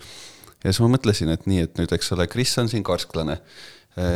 oled jätkuvalt jah? jätkuvalt. jah, ja, ja, ja mina, eks ole, olen oma elus kõik need siuksed head pahandused ja halvemad pahandused läbi käinud, et paljud väidavad siis, et psühhedeelsed seened, eks ole, avardavad su meeli ja toovad sulle mingit täiesti uut inspiratsiooni.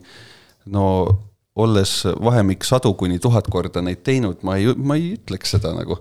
et kindlasti mu elu on teistsugune, aga kas ta nüüd mind millegagi kaasa on aidanud või kas ta on mulle näidanud midagi, mida ma muidu ei oleks näinud ma ei usu, enamasti see on ikkagi nagu mingi noh, teadvuse plõga nagu, mida pärast sorteerid, et ma ei tea, on sul kogemusi?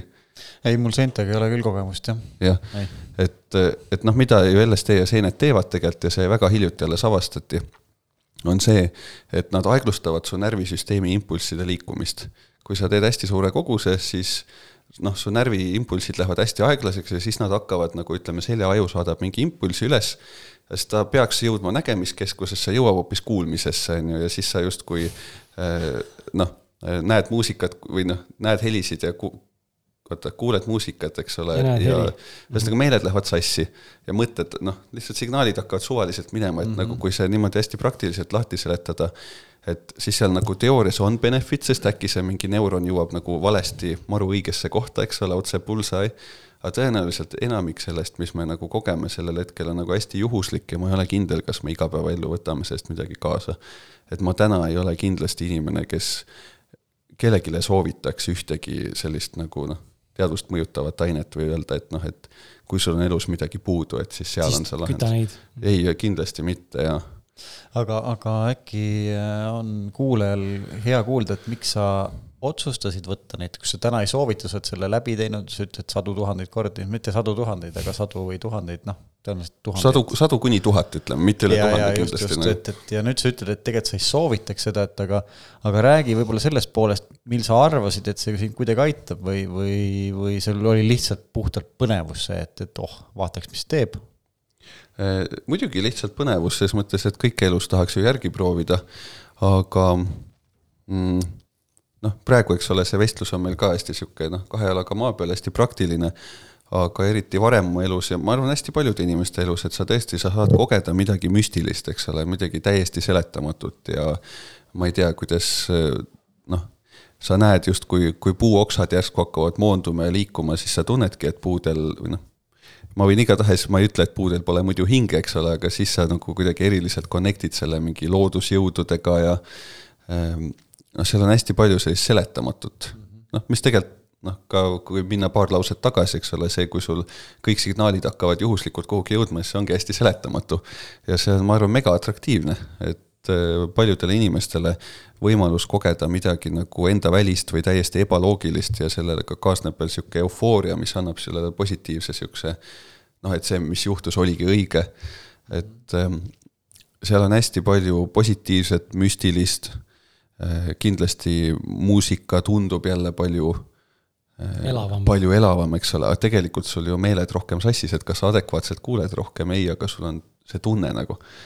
et ähm, noh, ma saan väga hästi aru, miks inimesed seda teevad, aga lihtsalt ma arvan jälle, et see ei ole selline ähm, noh, et ma nüüd teen seda ja siis on lahendatud, et ta isegi, ta võib sageli keerulisemaks teha asju, et ma olen näinud inimesi, kes teevad, noh, käivad järjest mingitel tseremooniatel, eks ole, ajuhaskad, asjad, siis hakkavad ise endale koju ostma näiteks seeni, siis nii edasi, et noh, see lähebki nagu nende teeks.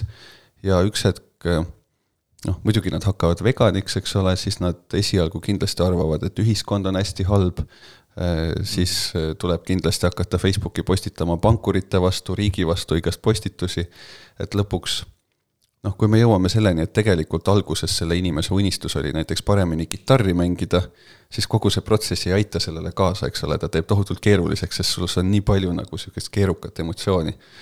et äh, ma arvan näiteks noh, nagu Steve Jobs, eks ole, väidetavalt, ma ei tea, võib-olla ma eksin oma faktiga, aga et ta tegi, eks ole, LSD-d ühe korra, ta sai sealt oma inspiratsiooni ja ta läks sellega edasi.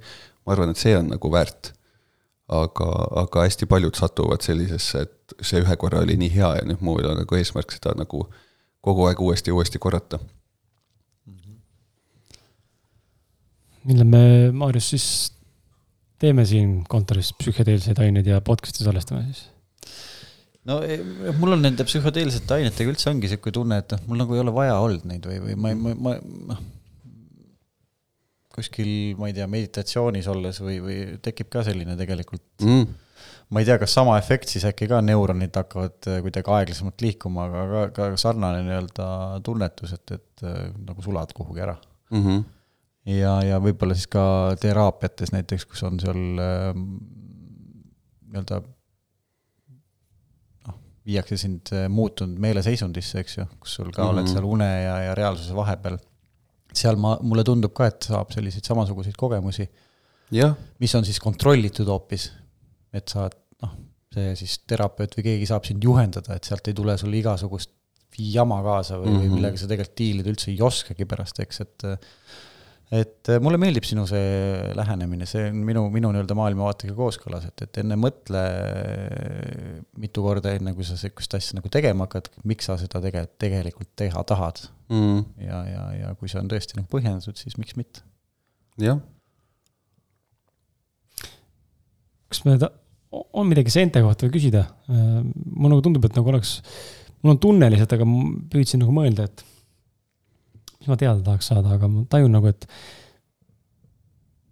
tahaks nagu veel midagi sellest seenemaailmast teada saada, aga ma ei, ma ei oska midagi küsida, nii et äkki peaks edasi liikuma siis. ma arvan, et üldiselt nagu kui noh, ega mu eesmärk ei olnudki siia tulla, eks ole, seenetooteid. ei, seda, seda küll, aga lihtsalt, et kuidas ta nagu mõjub noh inimestele, sest et huvi on nii suur, et näha, mul endagi tekib nagu üha rohkem huvi on ju, et mida nagu, mida see maailm veel nagu võimaldada saab. ma arvan seda, et nagu äh, ütleme, kõik see, millest me siin räägime, eks ole, see mind state ja nii edasi, et kui inimene nagu sellega resoneerub, siis ma oskan öelda, et see aitab sul nagu sa-, seda rada edasi käia, eks ole. et see on noh, küll väga väga mull selgitus, eks ole. aga see peab olema ikkagi, ütleme, märksõnana võib kinni võtta ikkagi pikaajalisusest, sest sa tõid, iseenda kohal ka näite, et sa oled paar mm -hmm. aastat tarvitanud seda.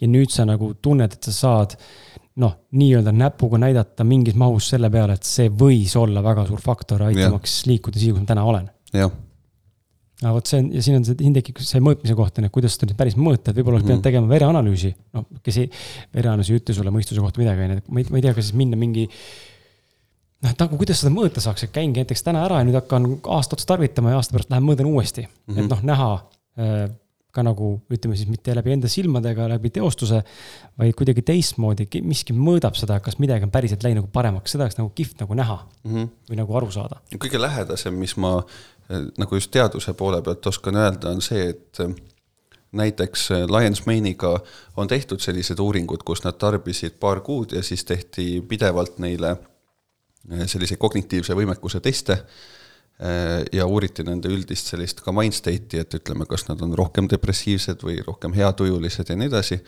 ja et leiti ikkagi, seal oli nagu platseebo grupp, siis seal oli äh, jah, platseebo ja siis need, kes said Lions Mane'i. ja leiti, et see Lions Mane'i saanud grupp ikkagi noh, nagu benefit'is nii oma selliste ristsõnade lahendamise ja matemaatiliste ülesannetega, kuid ka üldiselt kirjeldasid üld-, noh, paremat tuju. ja noh, et need uurimustööd on hästi konkreetselt ikkagi, nad ei uuri lihtsalt Lions Mane'i, nad uurivad konkreetselt näiteks mingi heritsenoone Lions Mane'i sees. Ja noh, et meie omakorda saame öelda, et meil on paber, mis ütleb, et meil on maailma kõige kõrgem selle heritsenooni sisaldus, et noh, seal on ikkagi ka niisugune teaduslik connection, aga ma ise ei baseeri oma noh, ma ei soovita kunagi teadusliku uuringu põhjal noh, kellelegi, sest hea küll, et noh, eritsenoon tõstab su ajus midagi, mis mõõdetavalt andis, eks ole, punkti kõrgema tulemuse kuskil uurimusel, et noh, kas inimene tunneb siis seda, eks ole, see ei ole veel selgitus selle kohta. aga noh, et see matemaatiline tõestus on olemas seal taga mm. -hmm. see platseebo grupp on eriti kurb olla, on ju. sul, sulle ilmselt mõlemal grupil öeldakse, me hakkame tarvitama Lions Mane'i ja siis lõpuks saad teada, kuule, aga mm. pff, sorry, tüng, sa ei tarvinud midagi see on nagu eriti top olukord. aga samal ajal näitab võib-olla seda, kui võimekas tegelikult on su uskumusmuster kui sa võtad endale teadmiseks selle, ma tegelikult tarbisin mingit asja, vaata mm. -hmm. et see on nagu nii ja naa, et sa võid korraks pettuda, aga siis avastad, et holy shit, ma olen päris võimas tegelikult mm. -hmm ja kindlasti seal platseebo grupis ka tõusid nii-öelda need kognitiivsed võimed, neile öeldi ju, et, et noh, see peaks tõusma. seda, seda nagu kindlasti mõõdetaksegi vaata seal, et, et jah. et sul on jah, inimesed, kes ei söö midagi, jah, kolm gruppi on ju, et eks ole, kes ei saa mitte midagi, siis kes saavad platseebot ja siis kes saavad seda õiget asja, niimoodi käib see mm. -hmm okei okay,, äh, tuleme korra toitumise juurde ka mm. -hmm. kuna seda sai siin korraks mainitud. Äh, sa ütlesid saateväliselt, et sa oled proovinud igasugu erinevaid dieete mm. -hmm ja täna oled sa, noh, siin olen poolnaljaga pannud kirja ka, et valgusdieeti ja, ja pranamaa dieeti ka, on ju, et hingad ja, ja toidud valgusest, on ju, et aga, aga, aga täna oled sa jäänud pidama ketole mm. -hmm. ei ole. ei ole mm? -mm. kuhugi ei jää pidama. okei okay,, keto on sul pikalt olnud lihtsalt siis uh, sees nii-öelda. räägi, mis sa oled nagu märganud nende erinevate dieetide puhul, mida sa võib-olla lühidalt kompinud oled ja mm, -hmm. ja miks sa oled otsustanud uh, nii-öelda siis, ma ei tea olla siin, kus sa täna oled. jah, vot hästi huvitav see valgusdieet, eks ole, meil on kõigil teada legend, et ma ei tea, Eestis elab üks või kolm valgustoitujat, kes ei ole kümme aastat söönud. et, et see legend on hästi ilus, aga see valgusdieet tähendab seda, et sa tegelikult tohid süüa nagu siis, kui pime on väljas. Ehk siis nad söövad täiega, aga lihtsalt noh, öösel. või siis talvisel ajal enamik päevast, eks ole, aga inimesteni jõuab legend, et on võimalik ilma toiduta, eks ole et see on jälle see, et kui sa natuke rohkem guugeldad ja loed näiteks, on ju, siis sa jõuad viie minutiga vastuseni, et valgusdieet on lihtsalt, et sa sööd, kui on pime nagu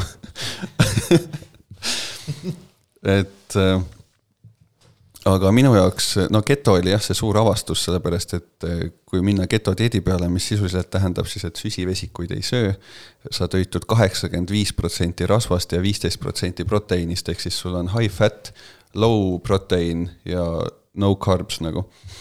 Äh, ja siis see, ta annab ajule väga-väga eufoorilise laengu, nagu ütleme, et kui on nagu üks superpower üldse, siis see on getodieet, et kui keegi tahab olla see ülim overachiever, siis on need kaks benefit'i, et üks on see, et sa pead olema nende reeglite järgimiseks lihtsalt ääretult pühendunud, sa pead õig-, noh, kui sa eksid, ma ei tea, sööd pool tomatit liiga palju, siis sul on kolm päeva päris halb olla nagu et sa pead täiesti veatult mingit struktuuri jälgima oma elus, mis nagu näiteks noh, ma arvan, depressioonist võiks inimese vabalt välja tuua. lihtsalt see, et tal on see köögilaua struktuur nii hea ja siis ta saab aru, et mujal võiks ka nii olla.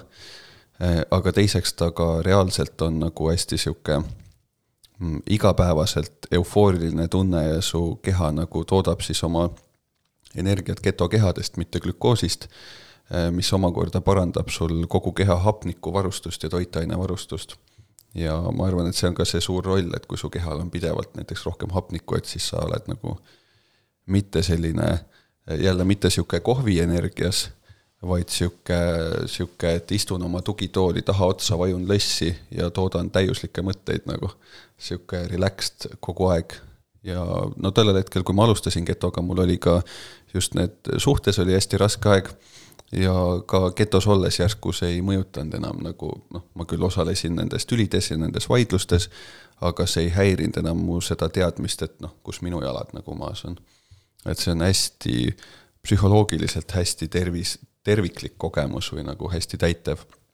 et aga ma olen ka söönud viis tuhat kalorit päevas, et võtta kähku kümme kilo juurde ja söönud tuhat viissada päevas, et võtta kähku kümme kilo alla ja ma olen olnud taimetoitlane ja ainult lihatoitlane et hästi suur asi, mida kaasa võtta, ma arvan, on see, et igal inimesel võiks vähemalt mingid dieediotsused nagu paigas olla.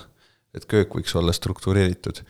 Nüüd näiteks, kui ma olen ülitasemel vegan, kes teeb ainult parimaid vegan toite kõige värskemate komponentidega või olen getodieedil, ma arvan, et see tunne on hästi sarnane tegelikult. et see põhieufooria, mis sa saad, ongi sellest struktuurist. ja selles protsessile pühe, pühendumisest üldse nagu, et pühendumine on see, mis ikka toob selle rõõmu ja sellepärast ma arvan, et igal inimesel võiks olla nagu mingi kindel söögilaua valik ikkagi tehtud. Ja siin ei ole üldse vaja minna sellesse elufilosoofilisse noh, vestlusesse, et mis on parasjagu, mis tagamõttega parem, vaid lihtsalt see, kas või see, et sa hommikuti hambaid pesed, eks ole, noh, me võime vaielda elektriline hambahari või tavaline, fakt on see, et kui me mõlemad käime hambad ära pesema, siis meil on kõigil parem olla, on ju, jah. See läheb natukene, sinu see jutt läheb kokku ka sellega, et äh, just nagu see struktuuri loomise poole pealt. Meenub äh, podcast'i ausad mehed puhul käisime salvestamas Maarjusega Tartus siis Karmeniga mm,, Karmen Kosmaga, kes on siis paberitega hull mm. -hmm lühidalt öeldes, eks ole, et tal on, mis see oli, aso, mingi aso skisofreeniline või mis iganes, mingi skisofreenia mingisugune haru, on ju. Mhm ja tema ütles ka selle asja välja, et teda on nagu tohutult aidanud, nagu sa ütlesid ka depressiooni puhul, eks ole, kui inimesel on mingi struktuur, mida ta jälgib, siis tema tõi ka selle välja, et teda on äh, väga palju aidanud äh, just nimelt see struktuuri monklikkus ja distsipliin mm. -hmm. aidanud tulla toime selle raske haigusega või selle perioodiga elus, on ju, et mulle tundub ka, et kui on inimesel mingi konkreetne distsipliin, siis tegelikult noh, vaatan kasvõi näiteks sind ennast mingis valdkonnas, on ju, ja ma ei tea, praegu kargab meelde Siim Land näiteks, on ju, kes on mhm. tohutu, noh, tohutu monklik vend, kui ma teda niimoodi kõrvalt vaatan ja temaga räägin ma ei näe, et ta oleks kurb või kuidagi nagu näost ära või emo- mm, -hmm. emotsioon, emotsionaalne või nagu inimene pigem tundub, et on happy kogu aeg õnnelik, kõik on hästi, eks ole, muidugi ma ei tea, mis sisemaailmas toimub nii hästi, on ju. aga näiliselt tundub, et need, kellel on väga suured struktuurid, mitte kõik, aga kes suudavad hallata seda mm -hmm. ja suhtuda sellesse nagu elutervelt, mitte järjest stressi sellepärast, et struktuur on, siis nad tunnevad ennast suurepäraselt. sest nad nagu, nagu see kontroll on enda üle või elu üle või ma ei tea, kas sa saad aru, mida ma mõtlen, ma nagu tajun seal mingit sihukest nagu väga tugevat rahulolu tekib mm. -hmm. no see on nagu rütm noh, muusikas, eks ole, ka see on mingi, et mingid stabiilsed rütmid ja asjad käivad, eks ole, siis see noh, šamanistlik trummimine kaheksa tundi järjest ainult ühte pulssi, sa lõpuks kaod täitsa ära. et seal on nagu natuke analoogia sellega, et minu noh, hästi siuksed struktuuritud inimesed, kes sageli kipuvad ka olema kas depressiivsed või ärevad ja rahulolematud, nad ütlevad, et ma olen nõus ainult selle struktuuri aktsepteerima juhul, kui ma saan vastu näiteks sellise palga, eks ole, või sellise ülikooli paberi või sellise auto, et noh, öelge mulle ette, mis materiaalset kasu ma saan ja siis ma olen nõus alluma sellele struktuurile. aga tegelikult see struktuur ise on see kingitus, mis sa endale teed, on ju, ja neid võiks olla nii palju, kui me noh, mugavalt ennast nendega tunneme. et äh, ma just ise, ma ükspäev mõtlesin, eks ole, et äh, ma ei tea, kohtingule minnes, on ju, kui sind kutsutakse kohtingule, siis äh, noh, sinu kohting algab sellega, et sa lihtsalt lähed kohale, on ju, vaatad, mis vibe sulle korraldatud on, lähed ära koju, eks ole, läbi. sina saad sellest nagu ühe emotsiooni. aga nüüd, kui teine pool näiteks otsustab, et see on väga tähtis kohting ja tõesti ta valmistub ette, eks ole, ma ei tea, mõtleb mitu sammu läbi, ta on juba mitu päeva mõelnud, kuidas see oleks võimalikult äge, siis see teine inimene teeb endale tegelikult nagu ju mitmepäevase kingituse nagu, kus ta on pidevalt mõttes, kuidas luua mingi kvaliteetne hetk seega nagu lõpuks see võitja on see kohtingu korraldaja, mitte see, kes läks kohale ja selle vaibi nagu kätte sai. jaa, ei, see on, see on huvitav näide. see on kohviku, mitte kohviku, kohtingu koha pealt on see huvitav näide, ma ei ole niimoodi äh, varem otseselt mõelnud. noh, et mida pikema äh, noh, et me mõtleme, et võit on, eks ole, see, ma ei tea, miljon eurot näiteks võib ka olla võit. aga tegelikult, mida nagu ägedama teekonna me endale sinna ehitame, seda mhm. mõnusam see lõpuks tundub, sest kui sa lihtsalt lotoga saad, on ju, siis sa räägid kolmele sõbrale ellad, on ju, kutsud nad korra välja pidutsema ja noh, läinud.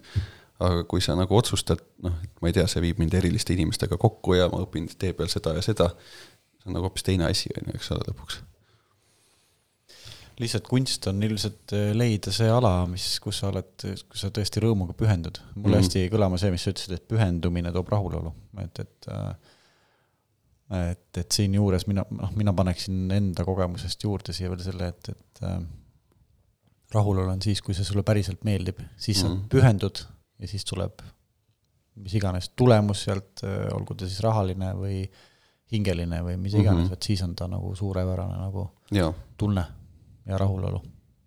jep, ja noh, kui me lähme tagasi, eks ole, ka selle noh, et ennem rääkisime, et kui inimene on depressioonis, et eks ole, see ongi pikk protsess. Äh, ütleme, kuni sa saad hästi õnnelikuks inimeseks, et võib-olla aastaid.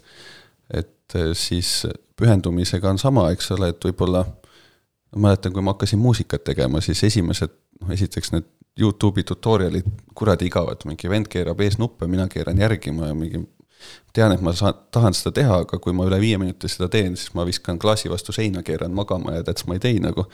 teine päev ma sain kuus minutit, on ju, kolmas päev seitse.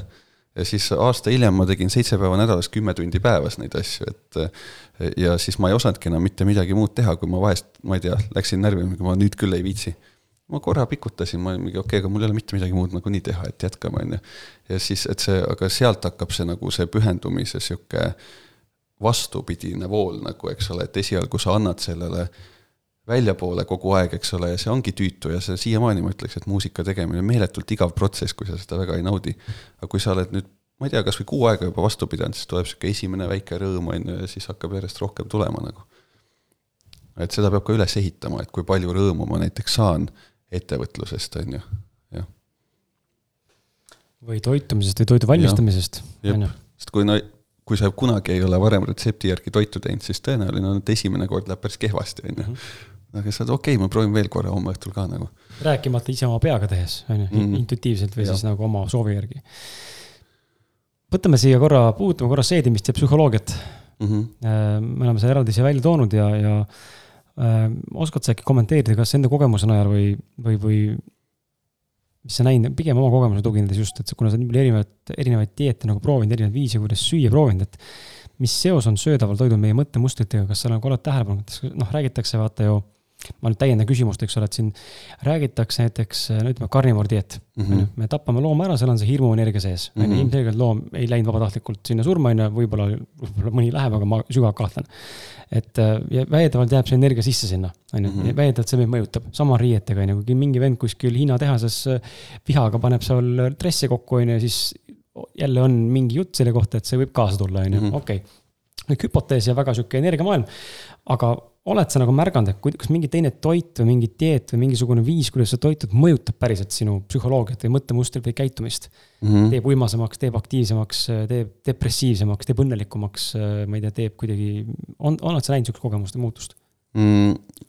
ma arvan, et esimene sihuke tähelepanek minu jaoks oli, kui ma otsustasin eh, getodieedil olles, kus noh, suhkur on nagunii tegelikult üldse välistatud, aga vahest ma võtsin ühe kommi, see oli nagu okei okay,, keha ei pane seda tähelegi aga siis ma võtsin vist, äh, kas ma võtsin banaani või ma võtsin mingi puuvilja ja mul oli pärast nagu mingi kakskümmend neli tundi mõte käis, hüppas ringi täiesti nagu sihuke äh, noh, segaduses olek oli ja ärev.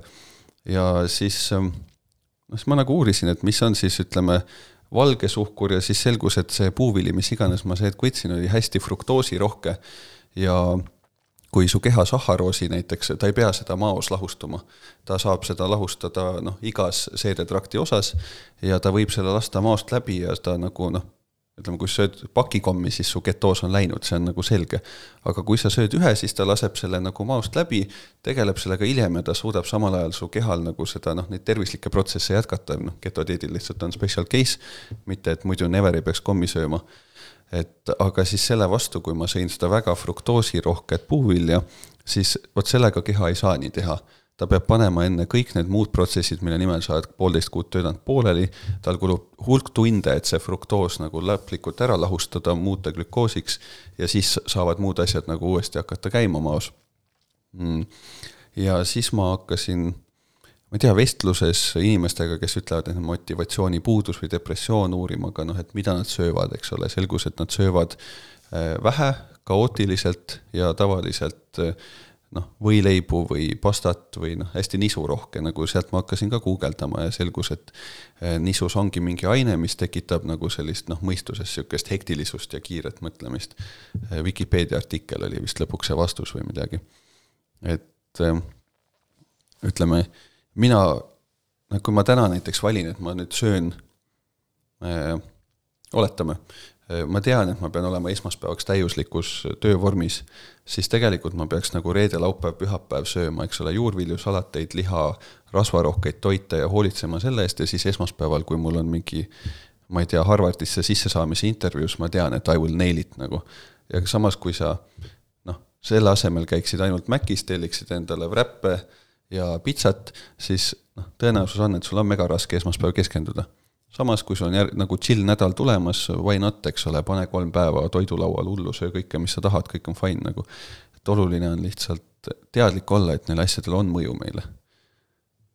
ja siis otsustada, kas see sobib su tänase reaalsusega või mitte, et noh, hetkel mul on elus nagu pigem rahulikum periood, mul samamoodi toidulaud on nagu noh, mega relaxed, ma söön kõike, mida iganes äh,, aga noh, kui ma tean näiteks, et nüüd on see paar kuud, kus ma kavatsen see aasta tööd noh, väga head tööd teha iga päev, siis ma lähen getodieedi peale, sest ma tean, et siis ma ei pea kunagi nagu motivatsiooni küsimust ei ole üldse.